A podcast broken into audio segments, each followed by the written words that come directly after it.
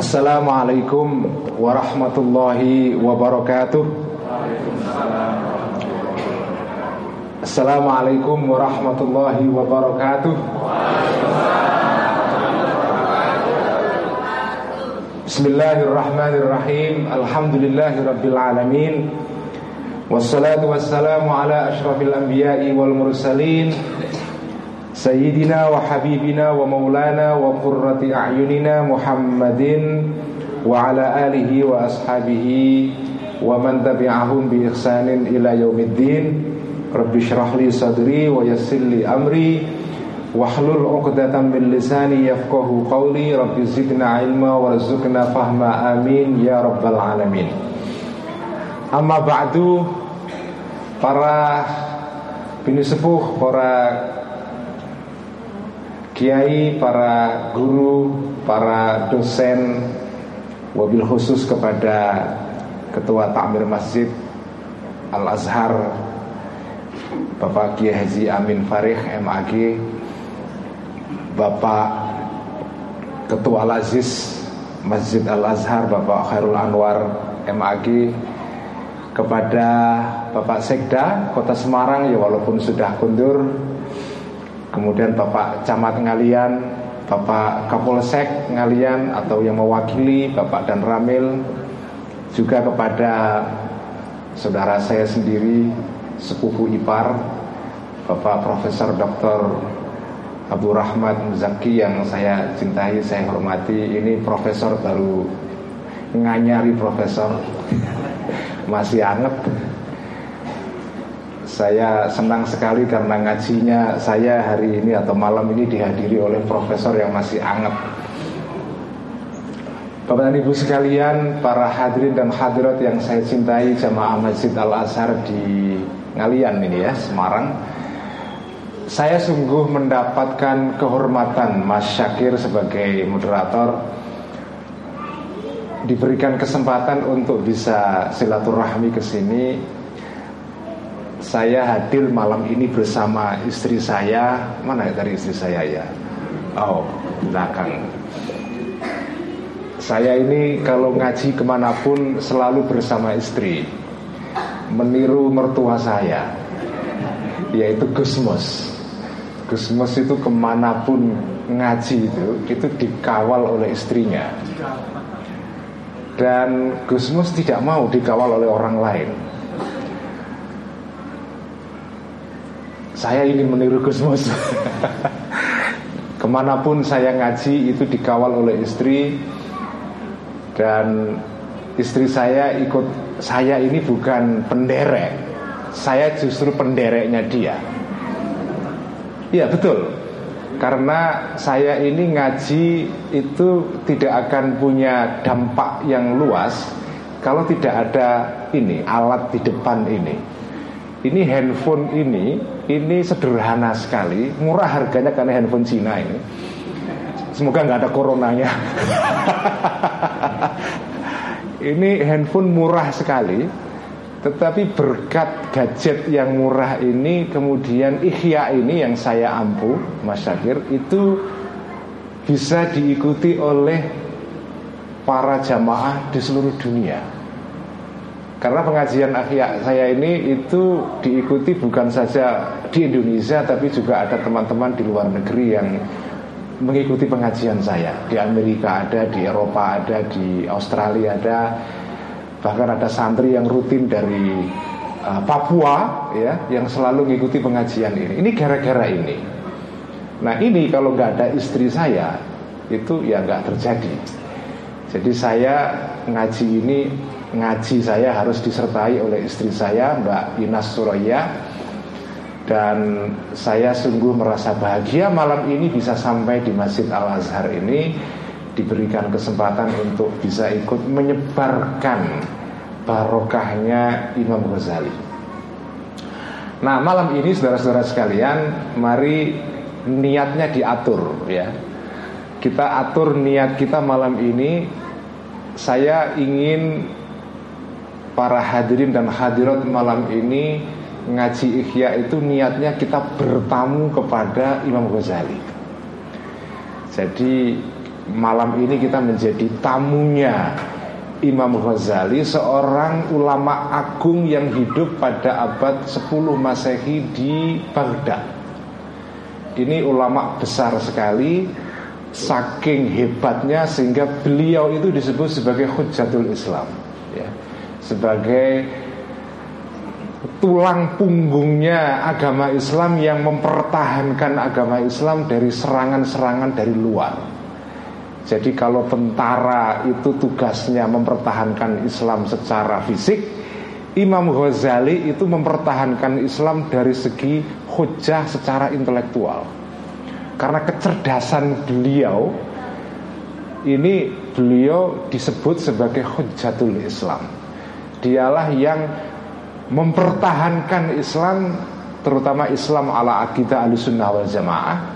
Dan lebih spesifik lagi Islam ala al-sunnah wal jamaah yang mengikuti akidahnya Imam Ash'ari atau akidah Ash'ariyah yaitu akidah yang banyak diikuti oleh orang-orang Islam di kawasan Melayu Indonesia, Malaysia, Thailand Selatan, Brunei, Filipina Mindanao dan sebagian Singapura itu semua mereka mengikuti akidah Ash'ariyah Imam Ghazali itu menjadi pembela Islam terutama akidah Asy'ariyah. Salah satu bagian dalam kitab Ihya itu juga ada bagian yang mengenai masalah akidah. Nah, hebatnya kitab Ihya yang malam ini mau kita kaji adalah kitab ini itu seperti supermarket. Jadi one stop shopping. Jadi jenengan nak ngaji kitab Ihya itu dapat semuanya. Fikihnya ada. Fikih ibadah ya Terutama sholat, puasa Haji dan nikah ya. Ini penting nikah ini ya. Bagi yang jomblo ini Harus ngaji kitab ikhya yang babun nikah Dulu uh, kakek saya itu juga ngaji kitab ikhya Itu selalu menasehati kalau mau nikah sebaiknya modal utamanya itu adalah baca kitab nikah dalam kitab Ihya.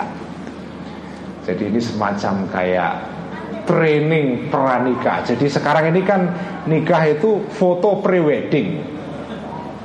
Padahal yang diperlukan itu foto, tapi prewedding training. Ya, latihan pranikah. Nah, itu dalam kitab Ihya ada kitabun nikah. Dan itu keren sekali Karena kitab Ihya itu pendekatannya terhadap fikih itu beda dengan fikih-fikih yang biasa. Yang tadi itu disebut oleh Mak, uh, Mas Syakir tadi itu. Tiga Fathul tadi itu. Fathul Qorib, Fathul Mu'in, Fathul Wahab. Kalau fikih-fikih yang biasa pendekatannya itu pendekatan legalistik. Pendekatan formal. Hukum formal tetapi kitab Ihya di dalam mendekati fikih itu pendekatannya bukan legalistik tapi pendekatan yang lebih menyentuh hati. Karena itu bahasa Al Ghazali selalu asror ya. Sir-sir rahasia-rahasia. Di balik sholat, di balik puasa, di balik haji, di balik nikah itu ada asror yang harus digali.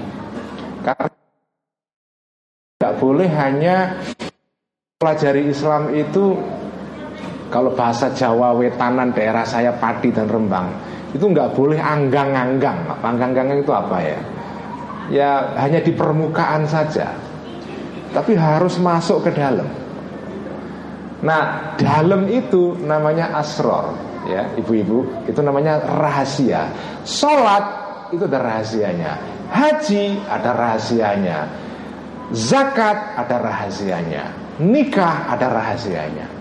Nah, asror ini kalau difahami itu membuat nilai tindakan kita dalam beribadah kepada Allah Subhanahu wa taala itu lebih lebih apa ya? Lebih mantap.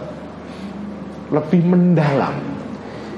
Karena ada dua orang yang mengerjakan pekerjaan yang sama tapi punya pemahaman yang beda, itu kualitas pekerjaannya beda. Ya. Saya sering kali mencontohkan Orang yang pagi-pagi keluar dari rumah untuk jogging. Ya, Kalau orang-orang perumahan yang elit seperti ini kan biasa jogging. Pagi-pagi jenengan keluar rumah jogging. Ada dua orang atau tiga orang jogging Itu kualitas joggingnya beda-beda. Nah jenengan keluar dari rumah Pagi-pagi jogging hanya niatnya supaya sehat Supaya perutnya six pack Supaya badannya keren seperti Deddy Corbuzier ya. Ya nggak apa-apa. Orang itu mungkin akan mencapai tujuannya itu. Ini satu hal ini satu jenis jogging. Tapi kalau jenengan keluar pagi-pagi jogging niatnya adalah selain tadi itu merawat kesehatan dan segala macam tapi jenengan niati saya jogging ini untuk merawat pemberian Tuhan. Pemberian Allah Subhanahu wa taala berupa badan ini. Karena badan ini seperti barang-barang di dunia Kalau nggak dirawat itu mengalami pembusukan Nah merawat peparingi Gusti Allah Atau pemberian Tuhan Allah subhanahu wa ta'ala Itu harus Salah satu tanda syukur kita kepada Allah subhanahu wa ta'ala Adalah kita merawat tubuh yang merupakan peparingi Merupakan pemberian Allah subhanahu wa ta'ala. Ini dua orang jogging ini dengan sikap attitude ya Psychological attitude yang berbeda ini Itu beda sekali kualitasnya Yang pertama jogging duniawi. Yang kedua ini jogging duniawi plus ukhrawi. Nilainya beda. Dia dapat manfaat duniawi Tapi ada sesuatu yang beyond Sesuatu yang melebihi yang duniawi itu. Ya seperti dikatakan dalam hadis yang terkenal itu kan Famangkanat hijratuhu ilallahi wa rasulihi Atau pertama-tama Famangkanat hijratuhu ila dunya Ila dunyan awim ro'atin yang kihuha Fahijratuhu ila mahajar ilai Kalau ada orang hijrah Tujuannya untuk mencapai tujuan ekonomi Supaya dia mendapatkan kekayaan Ya dia dapat itu tetapi sebaliknya kalau ada orang famangkanat hijratuhu ilallahi wa rasulih hijratuhu ilallahi wa rasulih. Kalau ada orang hijrah dengan niat seperti itu demi Allah dan Rasulnya maka dia dapat pahala yang melebihi hijrah yang dengan tujuan duniawi saja. Nah, kitab Ihya itu sebetulnya kitab yang kalau diringkaskan di peras-peras itu sebetulnya adalah kitab yang mengajari kita supaya kita punya sikap hidup yang tepat. Nah, selama ini ada banyak persepsi bahwa ini ini saya malam ini karena malam Minggu ya, ini kita ngaji bebas saja ya. Artinya bapak-bapak tidak harus pulang segera kan? Hah? Atau harus pulang segera? santai ya. Saya sebetulnya kondisi badan saya agak kurang sehat, tapi begitu lihat hadirin di sini kok semangat saya. Jadi ya pokoknya nanti se, se, se mengalirnya sajalah. Sekarang ini atau selama ini banyak persepsi bahwa tarekat itu atau tasawuf itu hanya untuk orang-orang yang sudah umurnya angka 5 atau 6 Orang-orang sepuh Bahkan tasawuf itu persepsinya kalau orang bertasawuf harus ikut tarekat. Ya kan? Nah, saya ingin dengan ngaji Ihya ini membongkar persepsi ini. Saya mengatakan bahwa kitab tasawuf atau pelajaran tasawuf atau dalam istilah yang lebih populer itu akhlak ya. Itu sebetulnya tidak hanya untuk orang sepuh, tapi pelajaran atau ajaran tasawuf seperti yang tertulis dalam kitab Ihya ini Ini sebetulnya berlaku untuk semua orang Termasuk orang-orang muda dan bahkan sekarang ini saya ingin membawa kitab Ihya ini ke kalangan anak muda Karena itu kadang saya pernah ngaji kitab Ihya ini di kafe mas Agil Di kafe bersama anak-anak muda gitu Itu saya pernah ya. Jadi saya mencoba membawa kita eh, tasawuf ini dari singgah sananya yang angker itu saya bawa ke bawah supaya kita itu mempunyai persepsi yang lebih tepat. Bahwa tasawuf itu sebetulnya adalah sesuatu yang dibutuhkan semua orang. Tua dan muda, kaya dan miskin, atas dan bawah, profesinya apa pun itu butuh tasawuf. Karena tasawuf itu sebetulnya ilmu kehidupan atau ilmu untuk menyikapi hidup dengan tepat. Sebab begini Bapak Ibu dan sekalian poros deres doyo Ajaran Islam itu berlevel-level Ajaran Islam itu berlevel-level Level dasarnya itu adalah level namanya syariat. Fikih bahasa kita itu. Belajar fikih itu level dasar. Tapi fikih itu baru Kalau bangunan begitu baru landasan. Jenengan bertok Itu beragamanya itu Belum mantep. Kalau makan gitu itu ya Bumbunya itu belum mantep. Belum se belum belum sedap. Belum sedap kalau bahasa Jawanya itu. Karena orang orang Indonesia itu kalau makan tidak gurih dan sedap itu nggak puas. Karena itu micin itu populer sekali karena sedap dan gurih itu kuncinya orang Indonesia menikmati makanan. Nah jenengan kalau beragama itu berhenti di ini fikih syariat dan segala macam itu bisa beragama itu nggak sedap belas bahkan bahkan beragama yang berhenti di level ini itu bisa menimbulkan dampak-dampak yang secara sosial itu mengganggu sekali karena tidak dibarengi dengan tasawuf. Karena itu para ulama-ulama pesantren ya dulu ketika saya ngaji di pondok di kajian dulu dengan Kisah Mahfud almarhum ya dan yang lain-lain. Itu selalu dikatakan bahwa orang yang belajar fikih agama fikih tok tapi tidak dibarengi dengan tasawuf itu bisa potensial. Tidak tidak tidak mesti ya. Tidak necessary tidak niscaya. Tapi bisa potensial orang ini terjebak di dalam kefasikan. Jadi man tafaqaha wa lam yatasawwaf faqad tafassak potensial terjatuh di dalam kefasikan. Apa itu kefasikan? Kalau saya memaknai kata tafasak di sini, kefasikan itu adalah orang seolah-olah beragamanya itu sesuai dengan aturan, tapi sebetulnya niatnya nggak benar. Itu persis seperti kondisi para pengacara di pengadilan, Mas Ayu. Orang itu kalau berperkara di pengadilan Jenengan menjadi lawyer atau pembela Itu jenengan bisa memainkan ayat-ayat di dalam kitab hukum itu bisa. Secara aturan main jenengan itu sesuai Bener. Bener. Menurut aturan bener. Yang jahat di balik ini Itu namanya tafasak Tafasak itu artinya adalah orang yang mengikuti aturan tapi sebetulnya dia ngakali. Itu tafasak. Itu orang fasik. Karena fasik itu artinya adalah dari kata dalam bahasa Arab fasako itu itu adalah dalam bahasa Arab itu fasako itu eh, kalau ada binatang masuk ke liang. Apa itu kayak kepiting di suka ada binatang di laut yang kalau ada orang masuk ke dalam. Jadi fasako itu artinya adalah orang belipir masuk ke liang. Itu namanya fasik. Secara harafiah. Fasako itu artinya belipir masuk ke liang. Artinya orang fasik itu sebetulnya orang yang menyimpan niat buruk di balik liang di dalam hatinya itu. Sebetulnya dia ini di dalam uh, standar lahiria secara aturan main benar mengikuti aturan. Tapi sebetulnya dia ini sedang menyimpan niat jahat di balik itu sehingga dia menggunakan hukum untuk sesuatu yang jahat.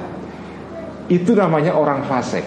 Nah, orang yang tidak beragama tidak dibarengi dengan tasawuf itu bisa terjatuh ke depan kepada kondisi ini ikut aturan agama tapi sebetulnya di balik itu ada ngakali. Tapi sebaliknya orang yang bertasawuf tok tidak berfikih itu lebih bahaya sebetulnya karena jatuhnya nanti adalah di dalam bahasa Arab disebut fakot tazandako waman tasawwafa walam yatafaqqah tazandak istilah zindik di sini artinya adalah orang yang hanya mengikuti ajaran tasawuf, ajaran akhlak, tapi tidak dipagari dengan aturan. Jadi dia bisa nabrak-nabrak karena tidak ada pagar di situ. Karena pada akhirnya manusia itu hidup harus pakai pagar. Kalau dia hanya menggunakan niat baik saja, tidak ada pagar-pagarnya, itu orang bisa sembarangan. Jadi kira-kira kalau fakot tazandak dalam bahasa sekarang itu barang siapa bertasawuf tok tidak berfikih maka dia bisa sembrono. Tafasak artinya adalah dia bisa menggunakan hukum untuk tujuan yang tidak benar. Nah, Imam Ghazali itu di dalam kitab Ihya, okay, ini sebetulnya ingin mengajari kita supaya beragama itu seimbang. Fikih, tasawuf, syariat juga tarekat. Nah kalau jenengan ngaji kitab Ihya kitab Ihya ini tebal sekali. Ada empat jilid kalau keseluruhan di total itu per jilid itu sekitar 300 sampai 400 halaman tergantung edisinya. Jadi 5, 4 jilid kira-kira total itu ya 1200an halaman. 1400an halaman. Jadi tebal sekali Beberapa kiai ngaji kitab Ihya ini bervariasi. Ada yang khatamnya itu 5, 18 tahun. Profesor almarhum Profesor Tolha Hasan Yang mantan Menteri Agama di zaman Gus Dur dulu Ngaji Ihya khatam itu baru 18 tahun. Karena dibahas secara detail Lama sekali gitu Tapi asyik. Hampir semua kiai di Jawa itu rutinan ngaji Ihya Nah saya mencoba, nah biasanya kiai-kiai ngaji ihya ini memang untuk sepuh-sepuh orang-orang sepuh-sepuh ya. Nah malam ini saya bersyukur karena yang ngaji di sini kok bervariasi ya dan muda-muda ya. Jadi saya merasa misi saya accomplish apa uh, berhasil ya. Jadi tidak hanya orang tua-tua saja tapi ada yang muda-muda. Nah itu sebagai pengantar, mari sekarang kita sebagai tamunya Imam Ghazali kita baca kitab Ihya yang tidak mau menyimak ya monggo didengarkan saja. Saya akan baca supaya jenengan merasakan kalimat-kalimat dan apa kitabnya Imam Ghazali. Mari kita buka dengan menghadiahkan Fatihah kepada Al Ghazali dan kepada para ulama-ulama kita, guru-guru kita, juga kepada para pendiri negara ini, para pendiri semua ormas-ormas Islam, terutama NU dan Muhammadiyah, kepada para sesepuh yang berjasa dalam mendirikan masjid ini kepada saudara-saudara kita, teman-teman kita yang sudah mendahului kita semua. Lahum jami'an al-fatihah. A'udzu billahi minasyaitonir rajim. Bismillahirrahmanirrahim. Alhamdulillahirabbil alamin. Arrahmanirrahim. Maliki yaumiddin. Ya Kata al-farji ini kalau dibaca al-farji artinya alat vital. Faroji itu artinya adalah sesuatu yang menyenangkan Karena alat vital itu menyenangkan. Ya. Nah ini kitab tentang kita kasri syahwat ini. Jadi mengendalikan atau menaklukkan dua syahwat yang paling Nah bagian ini yang kita baca itu tentang syahwat yang pertama. Bapak dan Ibu sekalian, itu ada daya yang kalau tidak dikendalikan itu sangat destruktif. Yang pertama adalah syahwat mengkonsumsi. Ya. Jadi syahwatul batni itu syahwat mengkonsumsi. Kita sekarang hidup di era konsumerisme yang sangat ekstrim. Ya. Nah kitab Ihya itu memberikan satu cara pandang Bagaimana makanya saya senang sekali ngaji kitab Ihya ini sekarang tentang syahwatul batni karena kita hidup di era konsumerisme yang sangat eksesif. Dan itu akibatnya masya Allah salah satu akibatnya perusakan alam. Karhutlah kemarin itu sebetulnya di Indonesia itu. Itu kan salah satu sebabnya adalah syahwat, syahwatul batni. Kenapa? Karhutlah itu kan kalau di Indonesia kasusnya itu kan karena apa? Penggundulan hutan untuk ditanami apa sawit. Kenapa sawit? Karena orang Indonesia itu keranjingan gorengan. Dulu itu zaman saya kecil minyak itu kan kelentek apa ya? Lengoh kelentek itu buatan ibu-ibu di kampung itu. Tapi lengoh kelentek sudah nggak ada sekarang karena kelapanya itu sudah makin jarang. Sekarang itu minyak itu ya kelapa sawit. Karena orang Indonesia itu makan tuh kalau nggak digoreng, itu nggak puas. Ya. Belum gorengan-gorengan, belum sabun mandi, belum sampo, belum odol, itu semua kan kelapa sawit semua. Jadi konsumsi kita selama ini yang berlebihan itu Itulah yang salah satunya menyebabkan kerusakan alam sekarang ini Salah satunya Jadi kita ini sebetulnya walaupun dalam skala kecil itu juga ikut berdosa juga Nanti dihisap juga Kamu kenapa kok gorengan terus makannya itu itu nanti dihisap juga di akhirat itu. Tentu saja hisap yang paling besar itu bos-bos perusahaan sawit itu itu paling lama hisapnya itu. Tapi kita sebagai konsumer itu juga ya dikit-dikit adalah Meskipun hisapnya ringan-ringan saja Kamu kena aidah sana pergi gitu. Saya kan anggota masjid Al-Azhar Udah pergi-pergi sana udah Gak apa-apa gorengan Tapi tetap dihisap juga Ini kita ini sekarang konsumerisme yang eksesif. Apa sumbernya? Syahwatul batni. Kita ini sekarang me, meng, apa ya, me, me, me, membiarkan. Apa? Me, membiarkan syahwatul batni atau kesenangan dan konsumsi yang masuk ke perut kita tanpa kendali. Nah itulah yang menjadi pembahasan pertama dalam kitab Ihya ini. Nah saya akan teruskan pembahasan kemarin di Undim ya. Nah kemarin diterangkan bahwa lah, salah satu cara mengendalikan syahwatul batni Bapak dan Ibu sekalian itu adalah lapar. Tadi kita mendengarkan pidatonya Pak Sekda tentang kota Semarang yang apa tingkat kemiskinannya sudah sudah nggak mungkin diturunkan lagi lah ya. Itu sudah kemiskinan yang udah takdir kira-kira gitu ya. 3,9 itu angka takdir kira-kira gitu. Uh, sudah paling rendah. Nah, tapi itu ilmu ilmu lahir, itu ilmu syariat. Kalau ilmu hakikat, ilmu torekot, ya, tasawuf itu lain. Di dalam ilmu tasawuf ada orang itu yang untuk melakukan suluk atau jalan rohani untuk meningkatkan makom spiritualnya supaya dekat kepada Allah Subhanahu wa taala. Itu justru dengan sengaja menjadi miskin. Jadi kemiskinan atau lapar itu sebagai pilihan sebagai jalan spiritual. Nah jalan ini yang diambil kanjeng Nabi. Kanjeng Nabi itu doanya ya itu Allahumma ahyini miskinan wa amitni miskinan. Ya Allah hidupkan aku dalam keadaan miskin dan matikan aku dalam keadaan miskin. Nabi itu memilih miskin. Padahal beliau kalau kaya mau kaya itu bisa banget, sangat-sangat bisa. Karena kajian Nabi itu dalam ajaran Islam itu kan mendapatkan bagian humus seperlima dari pampasan perang. Banyak sekali itu. Kalau beliau mau kaya bisa, tapi kajian Nabi milih miskin. Ah ini pilihan. Ah ini nggak bisa kita. Doanya orang Islam nggak ada yang Allah ini miskinan.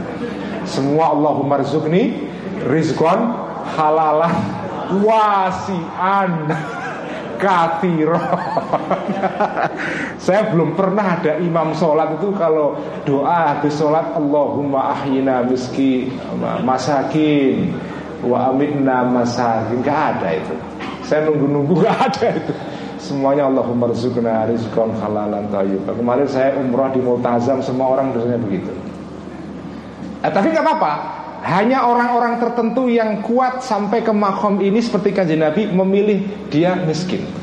Nah ini miskin yang tidak masuk dalam kategori Pak Sekda tadi itu. 3,9 tadi itu memang kemiskinan. Ya. Ini enggak, ini bukan kemiskinan. Ini miskin yang dipilih secara sukarela sebagai jalan spiritual. Jadi para wali-wali dulu itu para sedaya ada yang jadi para wali-wali itu itu kan sebetulnya mereka itu latihan menjadi wali itu itu panjang sekali. Itu jalan namanya jalan spiritual, suluk kalau dalam istilah tasawuf ya. Suluk itu macam-macam. Suluk macam-macam. Ada orang itu yang suluknya dengan menahan diri lapar sampai ekstrim.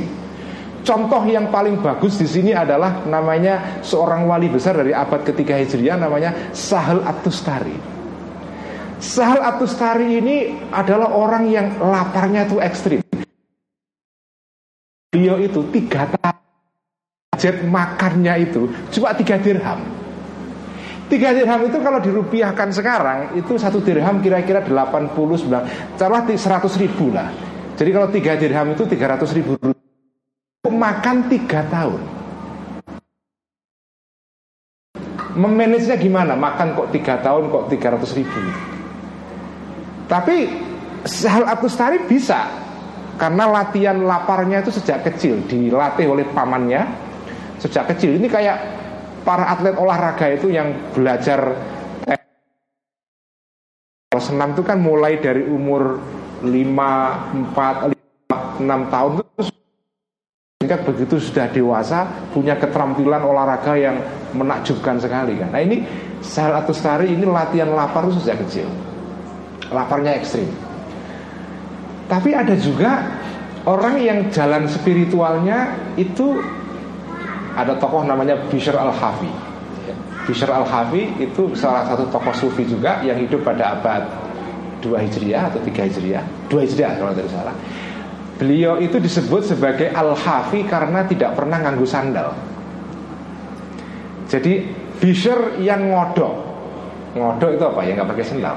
Jadi uh, barefoot ya, nggak pernah pakai sandal selama hidupnya, nggak pernah pakai sepatu. Padahal dia wali besar kalau mau pakai beli sandal mampu, tapi beliau tidak mau pakai sandal. Tujuannya apa?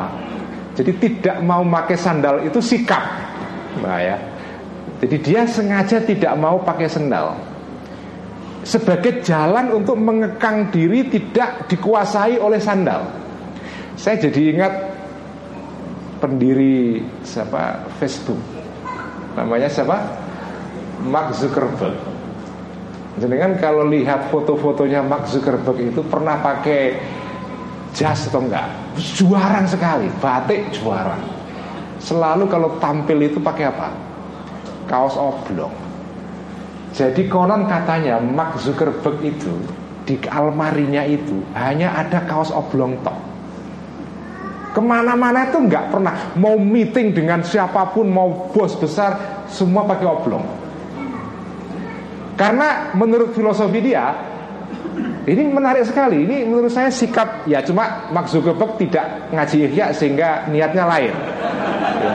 Kalau dia ngaji ihya malam ini dengarkan Saya padahal pakai platformnya dia ini Facebook ini Kalau dia baca ihya mungkin akan punya niat yang beda Mark Zuckerberg itu niatnya adalah Kenapa dia pakai apa belum saja Karena dia tidak mau Waktunya dihabiskan pagi-pagi Sebelum berangkat kerja Mikir dulu Pakaian mana yang mau saya pakai?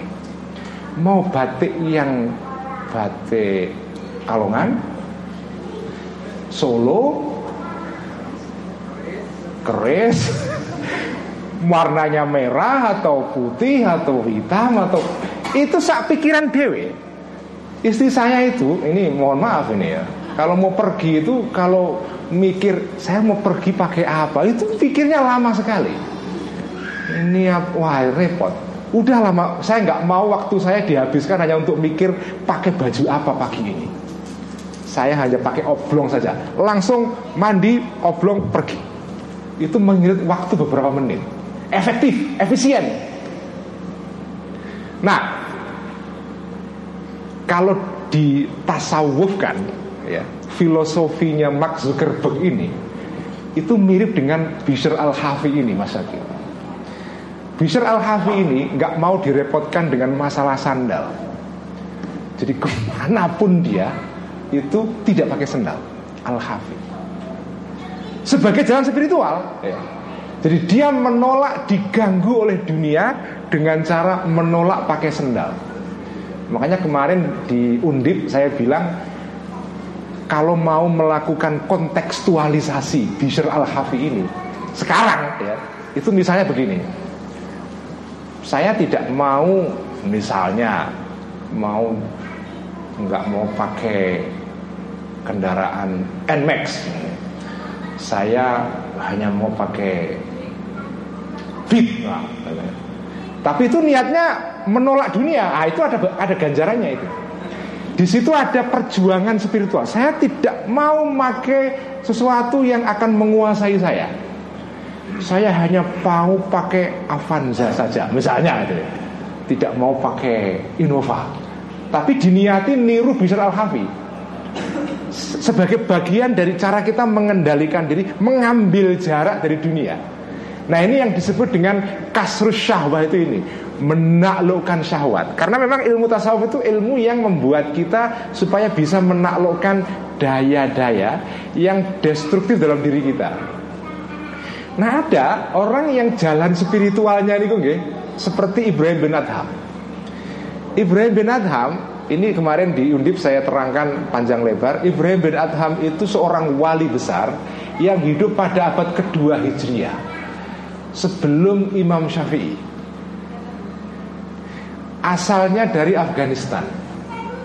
Kisah hidupnya mirip dengan Siddhartha Gautama. Kenapa?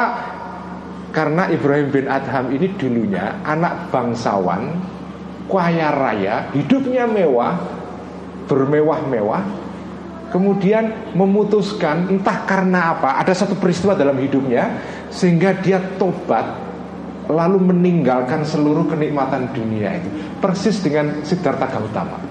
Lalu dia menjalani laku spiritual sebagai seorang sufi. Nah lalu sepanjang hidupnya Ibrahim bin Adham itu jalan terus. Dari satu tempat ke tempat yang lain namanya siahah dalam bahasa tasawufnya ini siahah itu artinya traveling cuma ini traveling bukan traveling seperti anak-anak sekarang traveling. Ini traveling yang tujuannya okay, traveling sebagai bagian dari laku atau suluk jalan rohani spiritual. Kenapa? Jadi makanya dulu itu ciri-ciri kiai zaman dulu ya sekarang udah agak agak berkurang itu ciri-ciri ini. Zaman dulu itu kiai-kiai zaman mbah saya atau di atas mbah saya itu kiai-kiai dulu itu biasa ngaji itu pindah-pindah dari satu tempat ke tempat yang lain. Ya, misalnya kiai Kiai Mahrus yang terkenal di mana? Di Lerboyo ya Kiai Mahrus itu.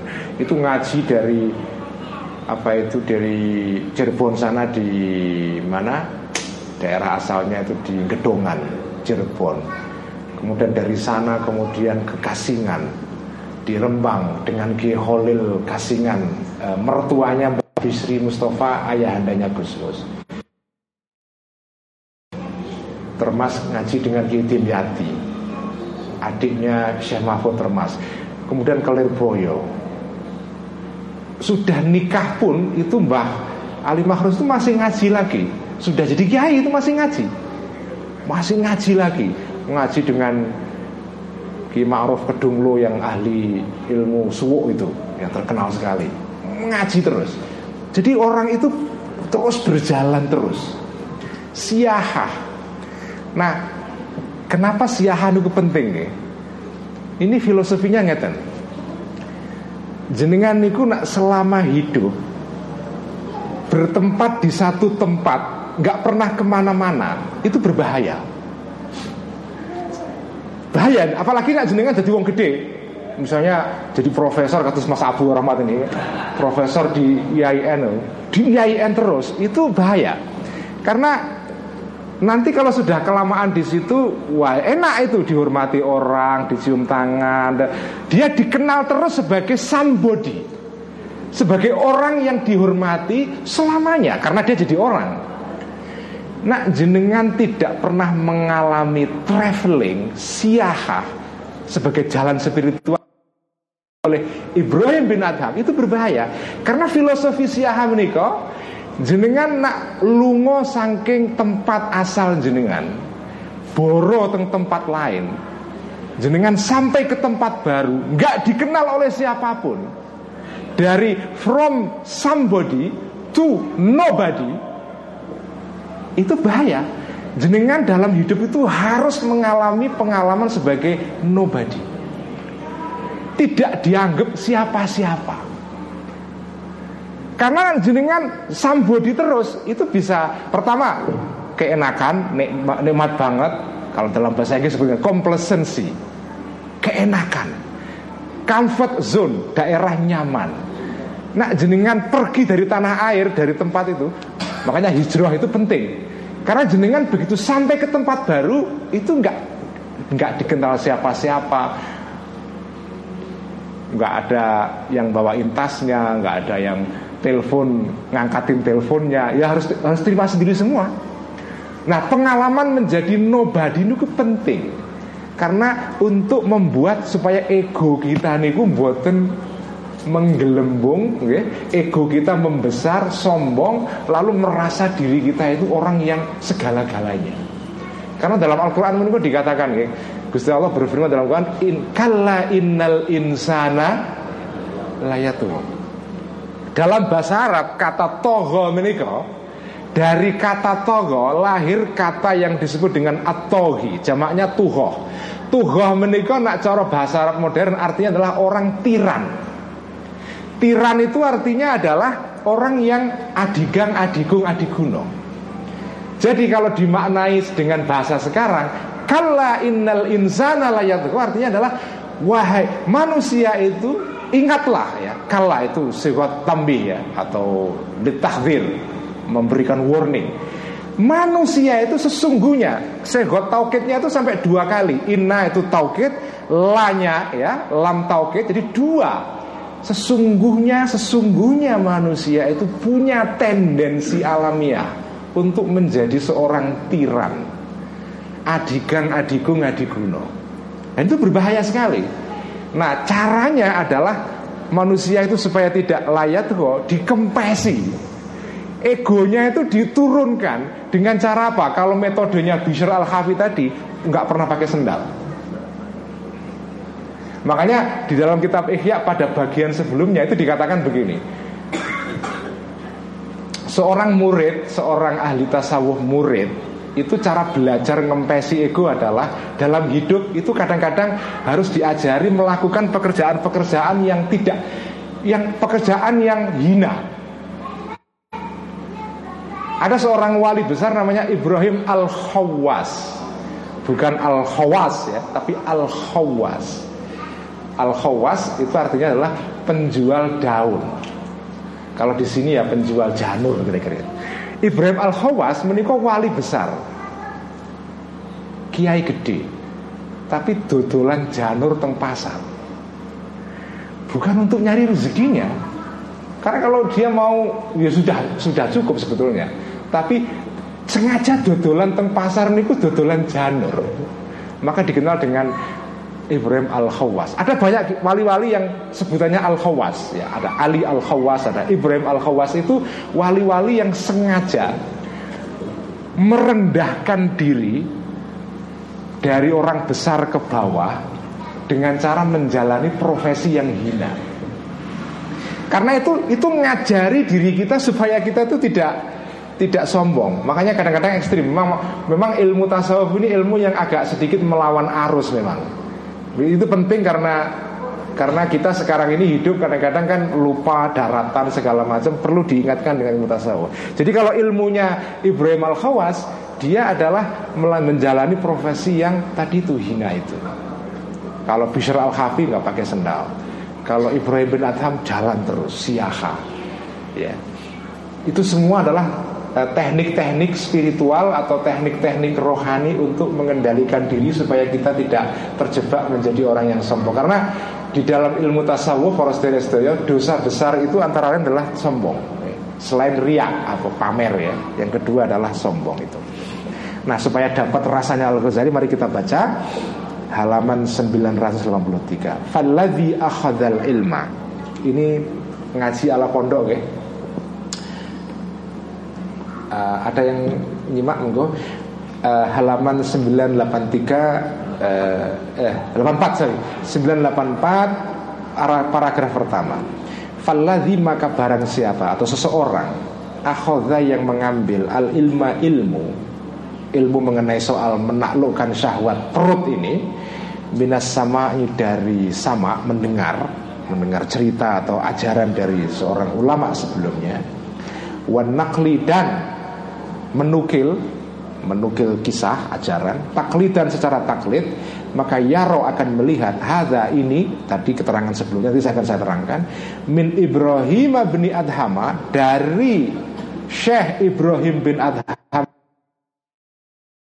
ya wayasmau dan mendengar Narin dan mendengar dari Malik bin Dinar salah satu sahabat eh, bukan tabiin yang utama ya Malik bin Dinar. Ini juga salah satu sufi dari era tabi'in. Mendengar dari Malik bin Dinar Annau sesungguhnya Malik bin Dinar Kola mengatakan Malik bin Dinar. Madakhola Kata Malik bin Dinar Seorang tabi'in yang sufi ini. Madakhola Tidak pernah masuk Baiti kepada rumahku. Al-milhu Garam Mundu Ishrina sejak 20 sanatan tahun. Jadi Malik bin Dinar ini tabiin yang sufi sekali. Orang yang dikenal dengan ajarannya mengenai zuhud. Ya tabiin itu berarti kira-kira hidup pada abad kedua hijriah Pertama dan kedua ya Beliau mengatakan bahwa 30 tahun atau 20 tahun rumahku tidak pernah kemasukan garam. Garam itu kan ya unsur yang untuk membuat makanan jadi lebih enak Berasa kan tidak tidak tawar. 20 tahun nggak pernah makan garam.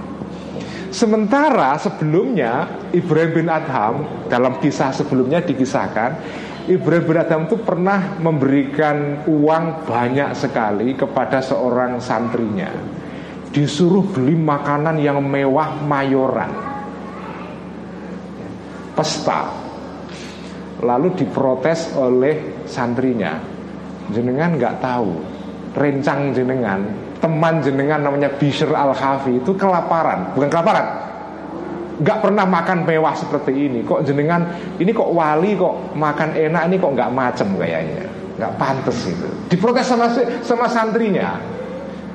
Jadi mungkin ya kan di masyarakat juga ada persepsi kan kiai kok orang kere kita kok orang pantas. Kiai kudu kere wali kok mewah itu kita kok nggak pantas Nah ini ini ini Ibrahim bin Adham makan mewah di protes santrinya teman kamu Bishr al Hafi itu seorang yang nggak pernah makan mewah. Lalu Ibrahim bin Adham mengatakan di dalam tadi yang kata-kata yang dikutip oleh uh, Mas Syakir laisa ta'ami. Ya. Kalau dalam masalah makanan itu nggak ada israf. Yang israf itu hanya terjadi dalam hal pakaian dan perabot rumah tangga. Wa innamal israfu fil libasi wa fil athasi. Dalam hal perabot rumah tangga. Nak mangan itu enggak karena mangan itu apalagi kalau mangan di kalangan kiai-kiai ya, itu kan ada unsur mayoran itu kan ada sesuatu yang lebih dari soal makanan toh. Jenengan berjanjenan terus ambengan itu. Itu kan tidak sekedar makan itu apalagi kalau jenengan belajar ilmu antropologi ya, makan itu tidak sekedar makan di situ ada kebersamaan gotong royong merasa bagian dari komunitas menjadi bagian dari suatu perkumpulan menghormati tuan rumah ya. jenengan di keimangan kiai kok menolak itu nggak boleh itu walaupun warak harus makan dan harus punya doa suwuk yang bisa makan nggak kenyang. Ada itu doanya itu. Dan doa yang makan nggak bikin kenyang, ya, makan terus. Karena di situ itu ada unsur sesuatu yang lebih dari sekedar makanan. Makanya Ibrahim Adam mengatakan makan itu tidak ada israf. Asal benar ya konteksnya ya. Kecuali kalau makan sendirian Wah itu bisa israf itu. Tapi kalau makan mayoran itu rame-rame niku, apalagi di rumah seorang kiai itu unsurnya di situ tidak sekedar makan toh. Jadi nggak ada israf di situ. Sebanyak apa pun makannya, kalau jenengan ikut pengajian di Bib Lutfi pas mulut, wah makanan banyak sekali kan.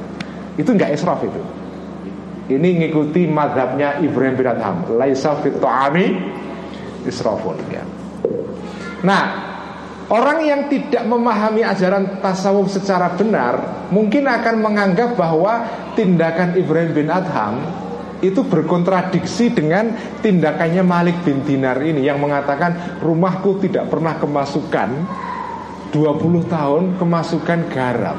Bagaimana menggabungkan antara ajarannya Malik bin Adham yang mengajarkan mayoran Dengan Malik bin Dinar yang mengajarkan makan ekstrim Sederhana sekali.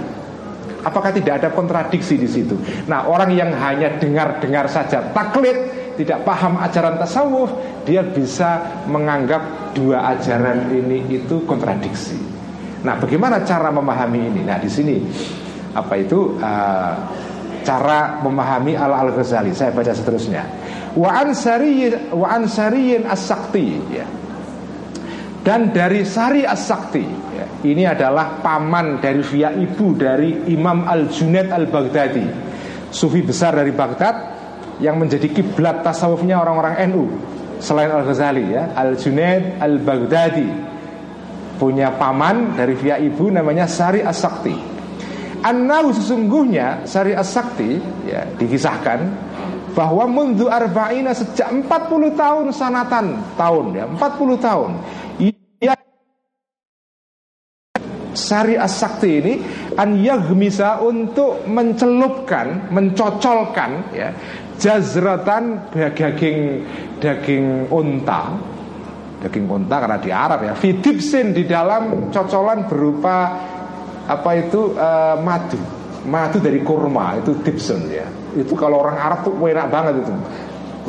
Daging kurma dicocolkan ke madu itu enak sekali Sari As-Sakti ini seorang juga sufi besar Gurunya Al-Junad Al-Baghdadi.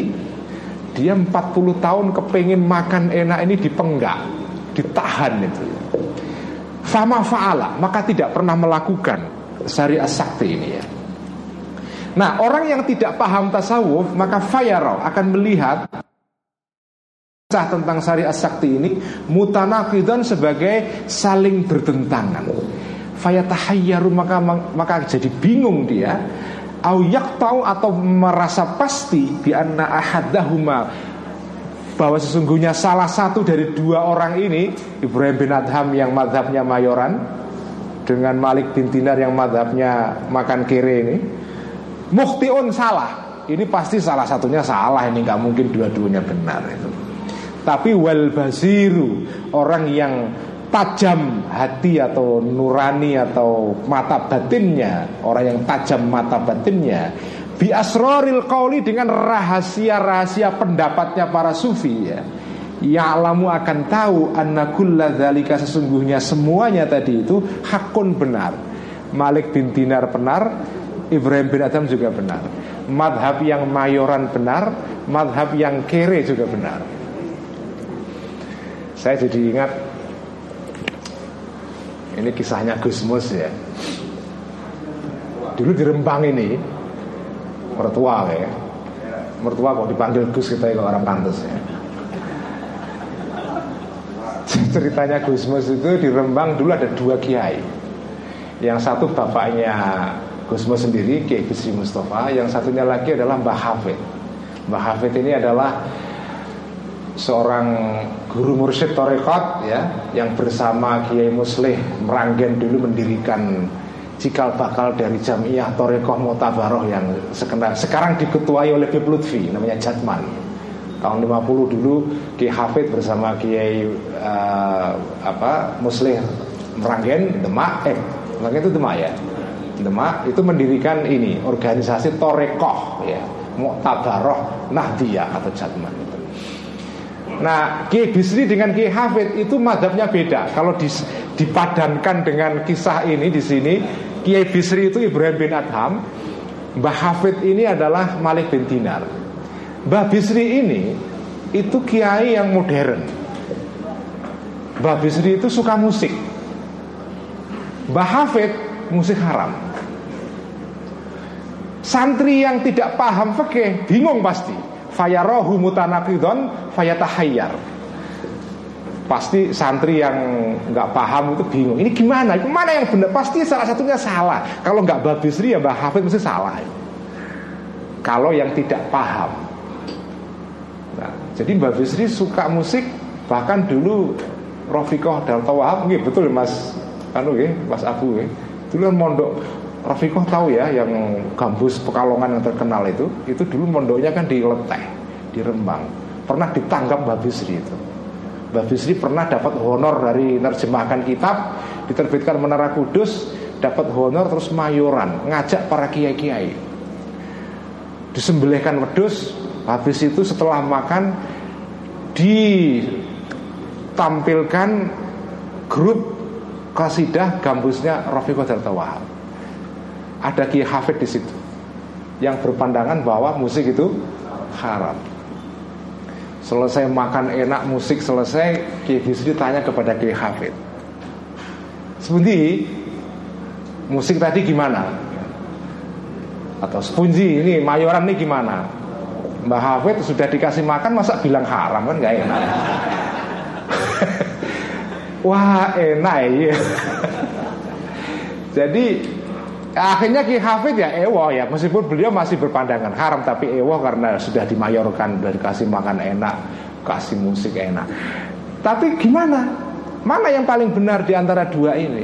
Nah kalau orang yang paham ya, Paham tentang Asror syariah Rahasia syariat Tidak menyalahkan salah satu Ibrahim bin Adham benar mayoran Makan mewah Malik bin Dinar makan secara orang kiri. Benar.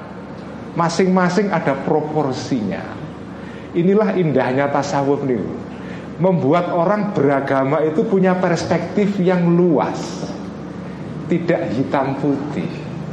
Itulah pentingnya belajar tasawuf itu kan. Makanya kalau orang belajar tasawuf Saya jamin tidak akan menjadi orang yang gitu-gitu itu radikal, situ-situ haram. Ya haram oke, okay, halal juga. Karena gini, orang NU atau orang yang paham torekot gitu, itu bisa menempatkan pendapat yang galak itu ada makomnya. Pendapat yang enteng-entengan ada tempatnya. Ibrahim bin Adham ada tempatnya. Malik bin Dinar ada tempatnya. Itulah orang tasawuf.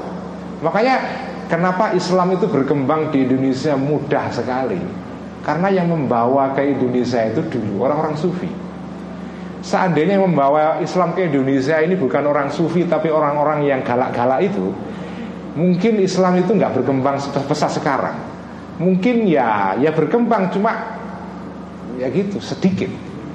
Karena yang membawa Islam ke Indonesia itu para sufi-sufi sehingga orang itu enak menerima Islam ini. Jadi radik. Makanya saya bilang kalau pemerintah punya program deradikalisasi yang sekarang BNPT segala macam, menurut saya udahlah ngaji ihya saja. Ngaji ihya saja. Itu teori atau teknik deradikalisasi yang paling ampuh itu. Nah ini, jadi orang yang tidak paham asrarus syariah ya tahayyar, bingung dia. Ada yang galak. Ada kiai namanya Abdul Wahab Hasbullah, okay, pendiri NU yang dulu ini kiai yang top sekali, okay, kaya pedagang kaya raya, makanya bisa belajar ke sana, membawa Ki Bisi Sansuri, di, diongkosi belajar di sana, bahkan sampai dikawinkan dengan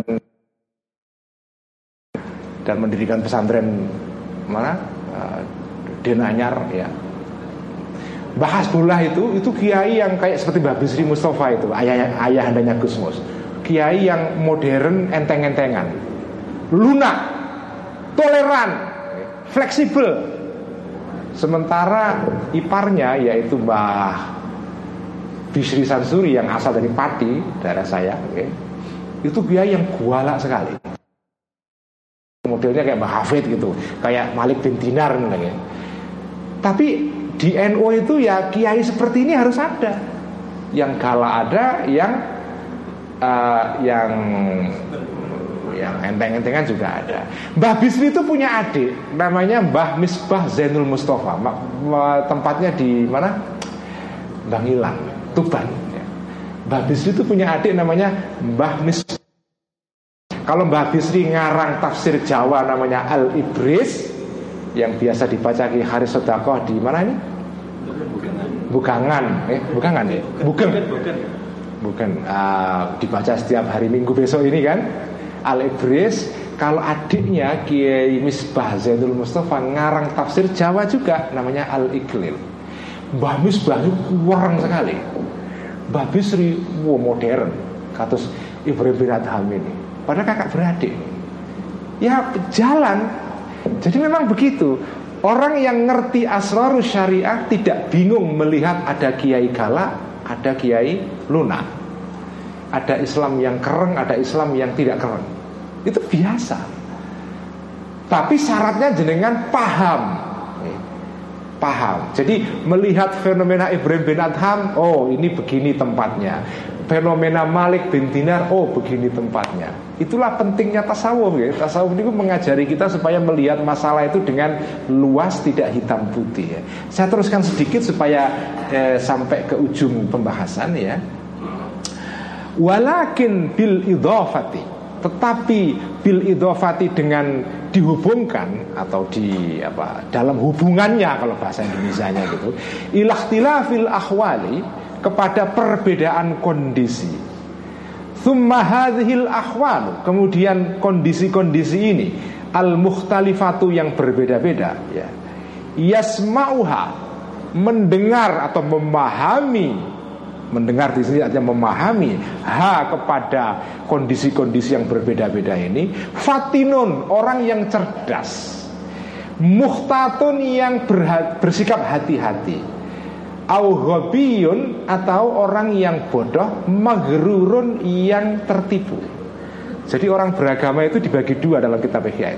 Ada yang fatinun muhtatun Ada yang hobiyun magrurun Orang yang cerdas dan hati-hati dalam menilai, menelaah, menganalisa masalah ya.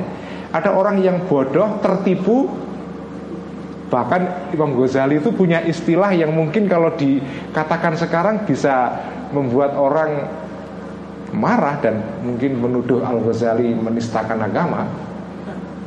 Al Ghazali itu punya istilah ada orang-orang itu yang tertipu oleh Allah.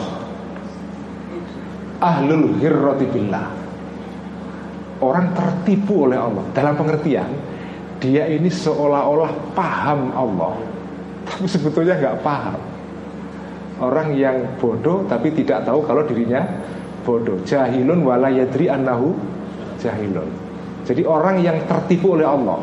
Jadi seolah-olah dia paham yakin betul. Ini masih artinya begini padahal padahal bukan begitu. Nah itu ahlul hirrati billah. Nah orang yang seperti ini Ini jadi masalah dalam beragama. Nah Beragama itu butuh orang yang fatinun muhta, muhtatun ya. Cerdas tapi hati-hati bisa melihat menilai masalah mana Ibrahim bin Adham dan Malik bin Dinar ini mana konteksnya. Ya. dilihat secara karena kondisi orang itu beda-beda. Nah saya sekitar dua bulan yang lalu itu soan ke Bib Lutfi Pekalongan. Ketika soan saya minta izin supaya di Pangestoni ngaji kitab Ihya. Saya tidak nanya itu tiba-tiba beliau bercerita. Saya juga heran juga itu. Di sini saya jadi ngerti kewaliannya. Habib Lutfi itu. Saya tidak nanya tiba-tiba beliau menerangkan. Karena saya ngaji kitabnya itu sampai sini. Lah kok beliau itu menerangkan bahwa ngaji ihya itu penting. Karena ada orang-orang itu yang salah paham.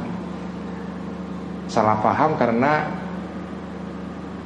keliru menilai. Ada orang-orang yang melihat ada kiai yang seolah-olah kelihatannya hidup mewah ada yang miskin Lalu menilai salah satunya Oh yang mewah itu yang salah Yang miskin itu yang benar Jadi kalau kiai kok kok kaya itu dianggap kiai yang materia, materialistik.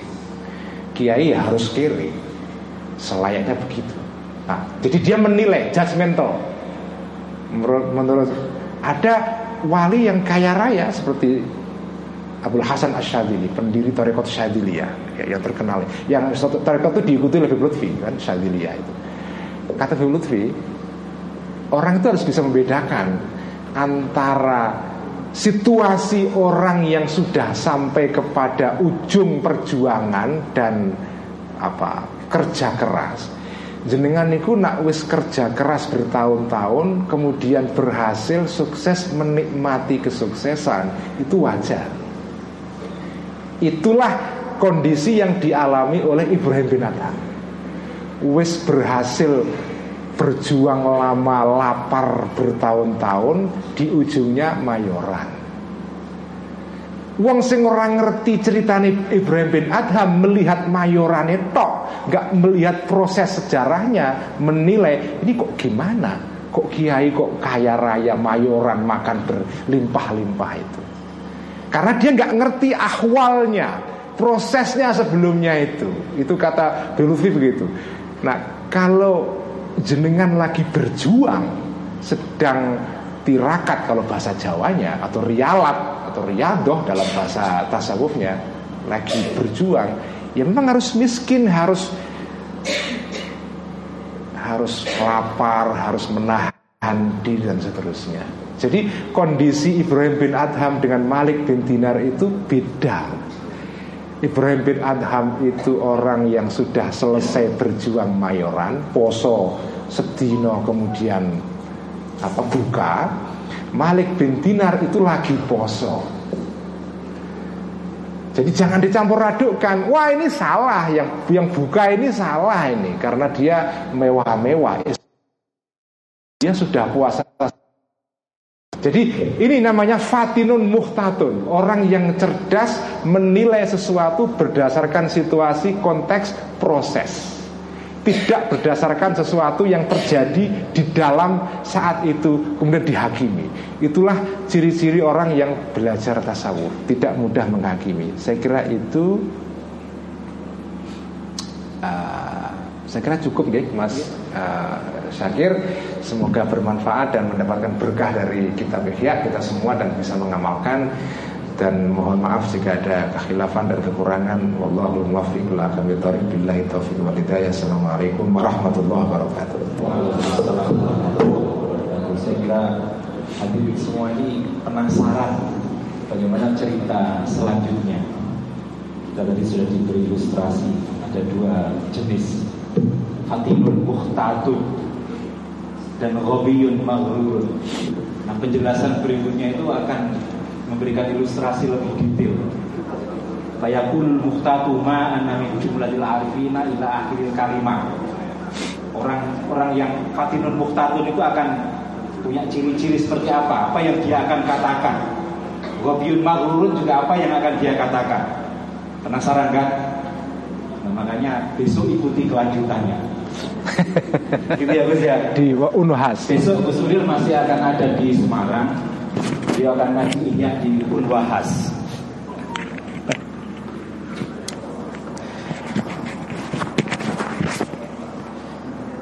Jadi besok akan tetap melanjutkan uh, kajiannya dan saya, saya yakin hadirin semua tertarik kok dengan apa yang uh, disampaikan.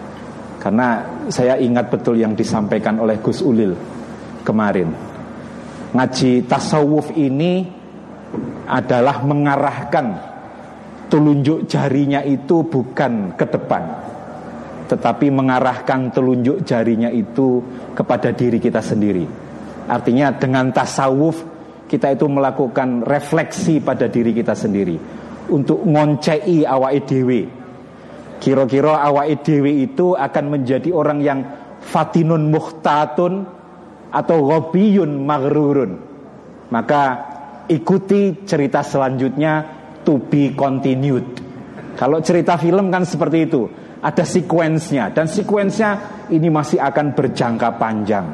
Kalau saya tentu saya mengikuti sejak awal jenengan ngaji ihya di Ramadan dua tahun yang yang lalu dari rumahnya kalau malam Jumat saya sempat sempatkan naik sempat gitu. Tapi lu hakeh sempat itu sebenarnya. Tapi ya saya ingat jadwalnya paling nggak seperti itu. Uh, gandeng tadi sudah ditutup saya mohon maaf. Tentu akan ada banyak pertanyaan kalau saya buka pertanyaan. Dan nanti seperti yang saya tadi ceritakan ngaji ihya yang diampu uh, Pak D saya itu jam 11 sampai jam 2 jam 11 malam sampai jam 2 meskipun hanya membaca saja. Tapi luar biasa. Tapi santri-santri kok yo ora dong ngantuk.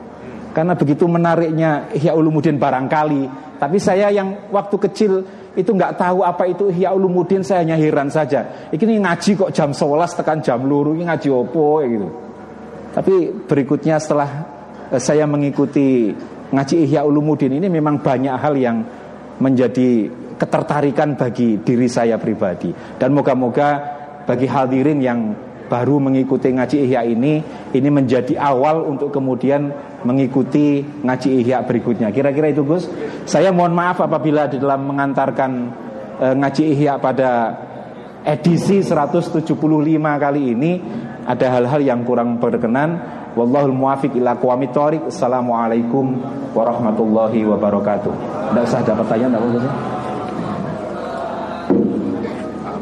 Uh, Pribun. Oh doa. Biar ini nanti apa? Gus Ulil minta Pak Profesor Abu untuk membaca doa katanya. E, Rencananya Pak Kiai Hador nih Bapak Abu coba.